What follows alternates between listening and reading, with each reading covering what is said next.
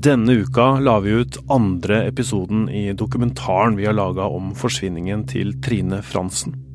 Og det er Natalie Reme Johansen som har laga serien. Og du har møtt eh, sønnen til Trine du, Natalie? Ja, sønnen Jørgen Fransen. Han var bare 13 år da moren forsvant i 2004, men han husker veldig godt den tida. Fordi saken ble mye omtalt, så han husker at det ble snakket om mammaen hans på radio og TV og skrevet om i aviser og sånn. Og senere, når Jørgen har blitt eldre, så har han kjempa for at politiet aldri skulle legge saken død, og har et stort engasjement for at hun skal bli funnet. Tror du saken noen gang løses? Ja, basert på det politiet sier, så har jeg tro på at saken kan løses. Politiet i Bergen de gjenåpner deler av etterforskningen, og i 2023 så skal de gjøre nye avhør i saken. Politiet sier at de er ganske sikre på at noen vet, og så håper de at det at det har gått lang tid, gjør at folk vil fortelle ting som de tidligere har holdt skjult for politiet.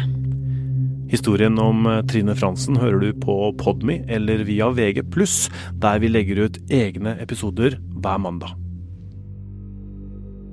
Åstedet på Gamle Sundsvei der Birgitte Tengs eh, blei funnet, blei saumfart. Men kan funnene som blei gjort den gangen løse saken i dag? Et åsted inneholder svært mange spor. Noen er gode, noen er dårlige. Noen kan føre deg ut på en blindvei.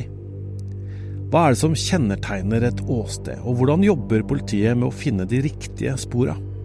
Og hva gjorde man på 90-tallet, som man ikke lenger gjør i dag? Jeg heter Tor Erling Tømt Ruud, og dette er Krimpodden i VG.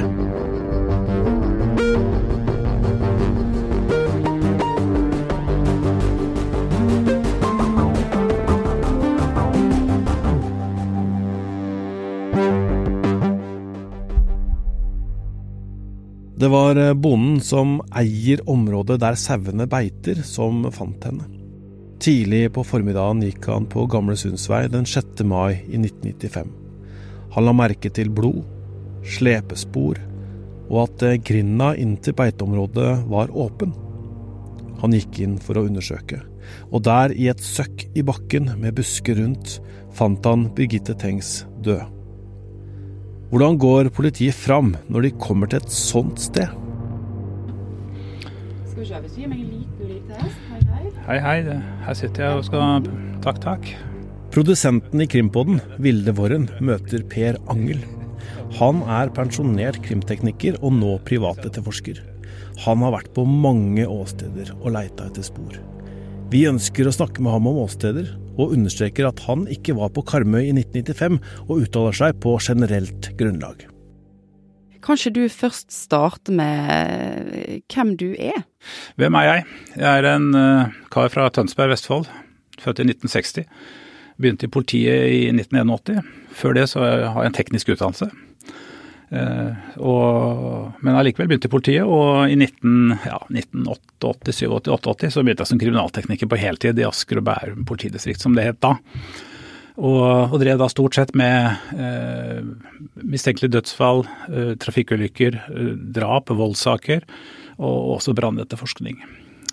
Så begynte jeg på Kripos i, i 92, 1992 og drev da med eh, bl.a. fingeravtrykksundersøkelser i ca. fire år. Hvor jeg da senere gikk over på en såkalt teknisk seksjon, hvor vi da drev med, med alle mulige andre tekniske undersøkelser. Altså typisk fotøyspor, verktøyspor, eh, våpen, altså ballistiske undersøkelser. Og åstedsundersøkelser, hvor vi da bistå lokale politiet, f.eks. i Haugesund, hvis de hadde da mistenkelig dødsfall og ba om bistand fra Kripos, så gikk vi da på en utrykningsliste og sendte ut et team for å bistå lokalt politiet i alvorlige saker. Og så har du hatt en viktig rolle i denne nasjonale ID-gruppen. Kanskje du bare sier litt om det òg?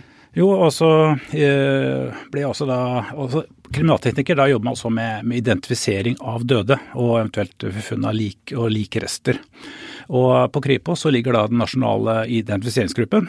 Den, er, den består av tannleger, eh, odontolog, altså odontologer, eh, patologer, genetikere, fingeravtrykkseksperter og kriminalteknikere primært.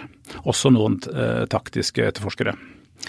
Og Hensikten er jo da å bistå med identifisering av døde, enten det er enkeltsaker hvor man på en måte folk har omkommet i en brann eller en alvorlig trafikkulykke og man vet ikke hvem offeret er, men også da i større ulykker, eksempelvis flyhavari, eh, og f.eks. under tsunamien. Eh, og også da ikke minst under 22.7 i forbindelse med terroraksjonen her i Oslo. Eh, hvilke saker er det du husker best? Det er noen som på en måte stikker seg litt ut, da. Eh, som er litt spesielle. Og bl.a. i 1999 var det vel, så var det et, et dødsfall, et drap, som, hvor da kroppen ble funnet i en sovepose i Gjersjøen. Og, og, og også, den kroppen var også da partert, og så kroppsdeler lå også i en bag eh, like ved, like i nærheten. Og dette er jo en sak som, eh, som da skjedde i Follo politidistrikt, hvor da Kripos ble bedt om å bistå, hvor vi da sendte ut et kriminalteknisk team. Hvor jeg var en av de som var med der. Og vi da drev med sporsikring både på funnstedet, altså ved sjøen, og også da at vi tok hånd om kroppen som da lå i en, i en sovepose, og også denne bagen hvor det lå kroppsdeler. Og, og saken er jo spesiell. altså Parteringssaker det er uvanlig i Norge, heldigvis. Men eh, som sagt, når man da går igjennom dette materialet, og man vet jo i dag så er det veldig stort fokus på DNA.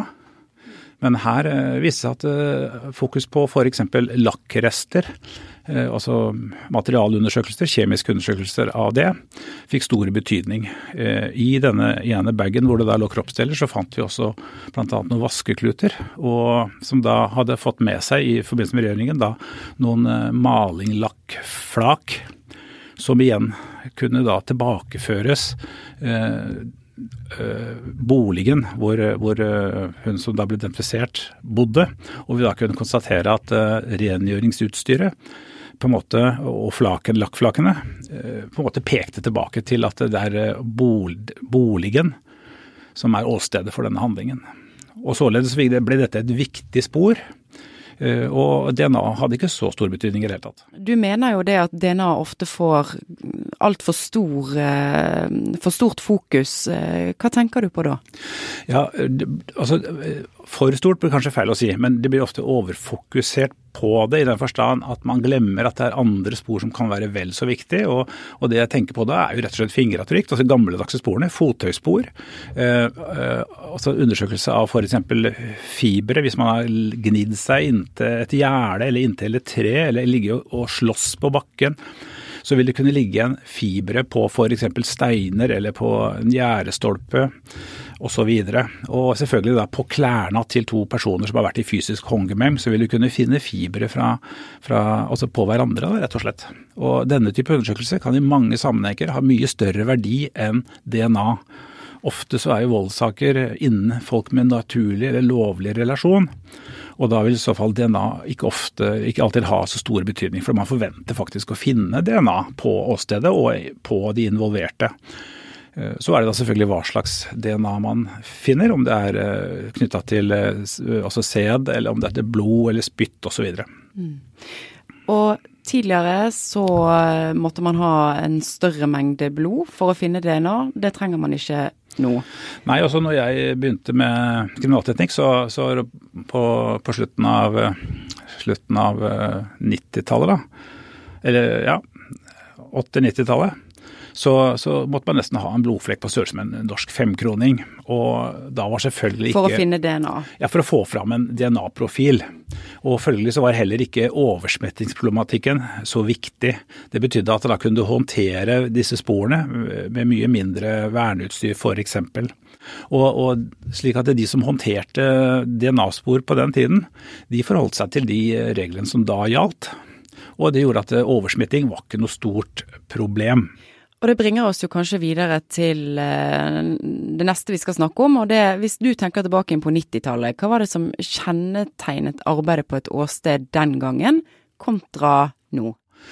I prinsippet så er fremgangsmåten den samme. Uh, man må forholde seg til uh, tyngdeloven.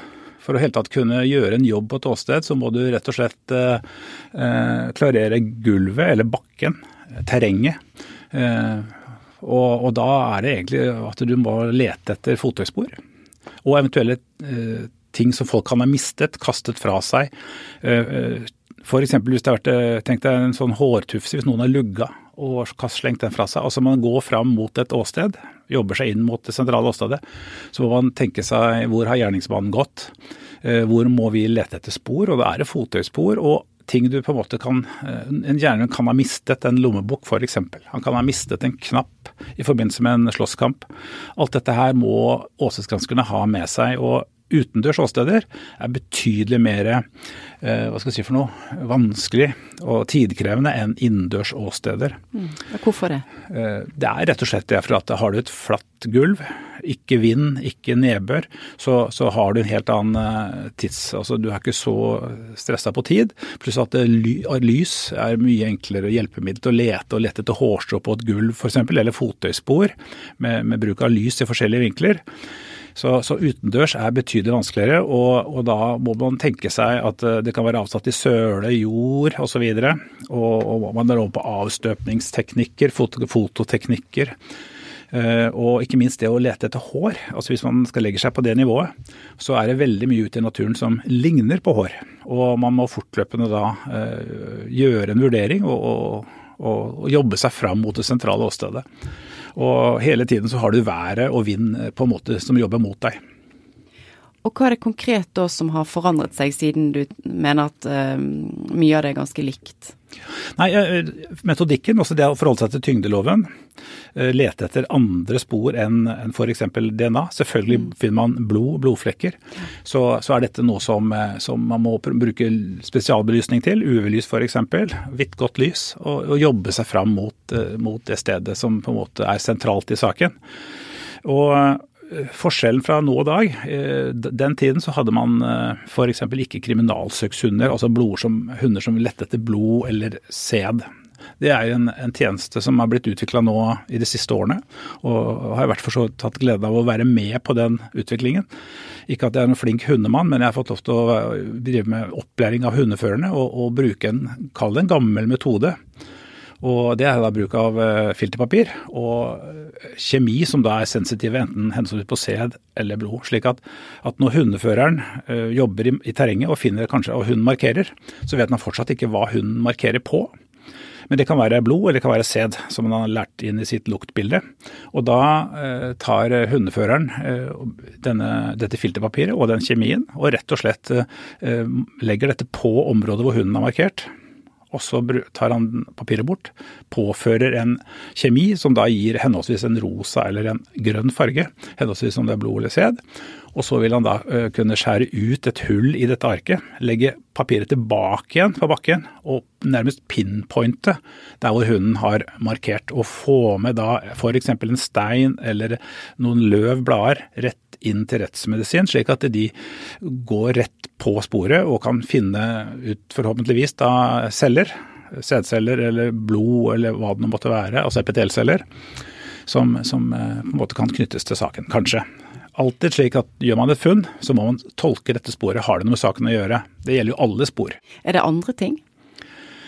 Som er uh, annerledes. Ja. ja. Også, uh, kravet til uh, hva skal jeg si for noe, hårnett, hansker, er blitt enda strengere nå. Men man brukte jo stort sett engangskjeledress og engangshansker og hårnett på den tiden også.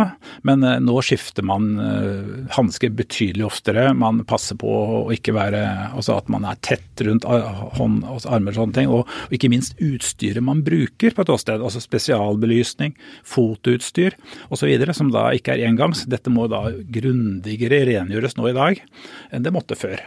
For da var, Før som sagt, da var ikke oversmitting noe stort problem, så lenge ikke det var i fysisk kontakt med sporet. Nå i dag så må, må dette rett og slett steriliseres før det flyttes fra sak A til sak B. Men metodene ellers, eh, med tanke på hvordan du går fram, ta bilder, detaljbilder, fotografere med fotolinjal, osv. Akkurat det samme. Eh, gjør man funn, f.eks. en knapp eller en, et kniv eller et, eh, et, annen gjenstand, så sikres det med bilder, eh, merkes, registreres, pakkes, emballeres. Kravet til emballering og pakking er jo betydelig hva skal jeg si, for noe mer strukturert i dag. Før så var det litt plastikk og litt, litt herfra og litt derfra. Stort sett var det nytt og rent, men det var kjøpt på butikken og det var liksom Ja, men nå i dag så er dette utstyr som leveres fra politiets materielltjeneste og, og skal være såkalt godkjent til den type bruk da, i dag. Og da men, bruker man f.eks. ikke plastposer, men papirposer? Ja, man kan fortsatt bruke plastposer, okay. Eh, men, men, men, det går litt an på om dette materialet er vårt eller tørt. Så, så, man må gjøre noen avveininger. Men i utgangspunktet så bør ting lagres i, i papirposer, mørkt og tørt. Men uh, veldig ofte så er jo gjenstandene søkk våte allerede, og da må man av og til kompromisse litt, men som sagt, materialet skal være rent og beregnet på, på dette. da. Vått materiale må jo da tørkes uh, på et annet sted, altså man bringer det inn på laboratoriet, og det skal da selvfølgelig være rent. Nå tok jeg jo turen ned fra åstedet og inn på laboratoriet, og det er klart at uh, bare der, når du da begynner å undersøke det materialet du har sikret ute i felt, så er det utrolig viktig at rommet inne, altså undersøkelsesbenkene, Eh, og at du skifter før du går inn og begynner å jobbe med dette. Eh, og at du ikke blander materialet som har vært på åstedet med eventuelle mistenkte som kommer inn i saken senere. Så, sånn som det har blitt nå i dag, så har jo de fleste, eller alle politier har jo fått rom som er beregnet for materiale som er sikret på, på offeret eller på åstedet. Så er det egne rom hvor materialet som er sikret hos noen mistenkte, er, er, blir undersøkt. Så det er to forskjellige rom? det skal være to forskjellige rom. ja. Adski, fysisk atskilt og med sluse, og at man skifter før man går ut og inn av disse rommene. Dette er jo eh, rom som på en måte man ikke hadde eh, på den tiden, egentlig. Det kom senere årene. Men eh, på den tiden så begynte man å, tenke de baner. Man så at DNA ble så sensitivt, så ble dette viktigere og viktigere. Og nå tror jeg vel alle politidistrikt har denne type undersøkelsesrom. De har, alle, de har det. Det ble vel brukt en presenning i Baneheia når man på åstedet, og så ble det også brukt en presenning i tengs, på Tengs åsted. Jeg har sett disse bildene med denne plasten som blir lagt ut på, på åstedet og sånn. Eh, er det noe man ville gjort i dag med det man vet nå? Ja, ja. Eh, men det er viktig at det, det, materiellet du bruker er nytt og ubrukt. At det ikke er dratt fra ett årstid til et annet sted. Altså at det er bruk og kast eh, på det. Men, men eh, som jeg startet innledningsvis, så er jo klimaet i Norge er tøft. Og man må prøve å dekke til og prøve å utsette værets påvirkning. Og det å dekke til et større område kan være svært viktig. Mm. Eh, avgjørende, faktisk. For at eh, hvis det er eh, mye vind eller mye nedbør Vind vil kunne gjøre at hår blåser bort. Blod, sæd, hva det måtte være, epitelceller, blir skylt, vasket ned og renner bort, rett og slett. Og blir umulig å finne, rett og slett. Og, og hva er det dere forsøker å finne? Ja, Det er det man egentlig ikke vet. Man har en formening om hvilke spor som på en måte man kan forvente å finne. Og, og på et åsted, da, så er det jo alle typer spor som eh, alle kan tenke seg. Jeg kan jo bare nevne fingeravtrykk er jo sånn klassisk spor som alle tenker på. Fotøyspor. Eh, mikrospor eller fibre. Eh, DNA selvfølgelig, som også er superaktuelt, på godt og vondt. Og, så er det da å dokumentere det som, som vi som kriminalteknikere kaller for situasjonsspor. Eh, blodsportolkning er også et tema som, som, eh, kan si noe om hva som har skjedd på et åsted. Og, og blodsportolkning, helt kort fortalt, er rett og slett at man ser på blodsporene, hvordan de er påført. Og så vet vi eh, noe om hvordan spor ser ut, og vi vet litt om hvordan en dråpe ser ut. Som er, som er, hvis den er stor, så, så, betyr det kanskje at det er liten kraft. Er det små og, og, og millimeterstore dråper, sprutflekker, ja vel, så tyder det på stor kraft eller stor hastighet. Dette er sånne parametere som kriminalteknikere kan, kan, en del om. så Da dokumenterer man disse sporene, og så prøver man å uh, tolke disse sporene etter hvert og, og, si noe om aktiviteten på stedet. Uh, om det er høyt i rommet, om det er lavt i rommet. Er det gjentatte slag? Eller er det rett og slett bare en person som har gått rundt med neseblod eller kutt i en finger og, og gått rundt. Dette kan man veldig lett se hvis man kan litt om blodsportolkning. Men uansett, når man har sikret disse sporene, så skal jo sporene også prøve å fortelle oss noe. Og Det er jo derfor dette blir kalt uh, tause vitner. Uh, sporene må måte tolkes. Og hvem gjør det? Jo, det bør normalt sett kanskje da være kriminalteknikere sammen med, med andre folk som har kunnskap om saken. eh, rettsmedisinere, rettspatologer, altså på en måte hele fagfeltet. Taktisk, teknisk, eh, medisinsk. Og så tolker man sporene, og så prøver man å, å, å Hva kan vi si? Hva tyder dette på? Eller hva tyder det ikke på, f.eks.? Vel så viktig. Å utelukke en del eh, hypoteser. Eh, og så, Nå nevnte jeg et ordet hypoteser. Normalt sett så skal kriminalteknikken ikke forholde seg til så veldig mange hypoteser innledningsvis. Men etterforskningen som sådan, også den taktiske, juridiske, kriminaltekniske, de skal hele tiden ha hypoteser øh, til grunn for sin etterforskning. Så vil jo da sporene, altså de tause sporene, og for så vidt også vitnene, etter hvert også da eh, bidra til å understøtte hypoteser. Eventuelt eh, hva skal jeg si for noe, usannsynliggjøre hypoteser. altså Denne kan vi se bort fra, men sporene passer med dette, det passer ikke med dette. Og, og det er jo her eh, denne sportolkningen kommer inn i bildet, som er veldig veldig vanskelig. Og Mange hevder at det er retten som skal gjøre denne sportolkningen, og det er jo helt riktig. Det er retten som til syvende og sist skal tolke dette. Men, men det er åpenbart at, at, politiet og de som har sikret sporene, også selvfølgelig må eh, på en eller annen måte tolke og, og prøve å forstå sporene. Og da må man kunne noe om sporene. Så. Og da har jeg lyst til å spørre deg, hva er et godt spor?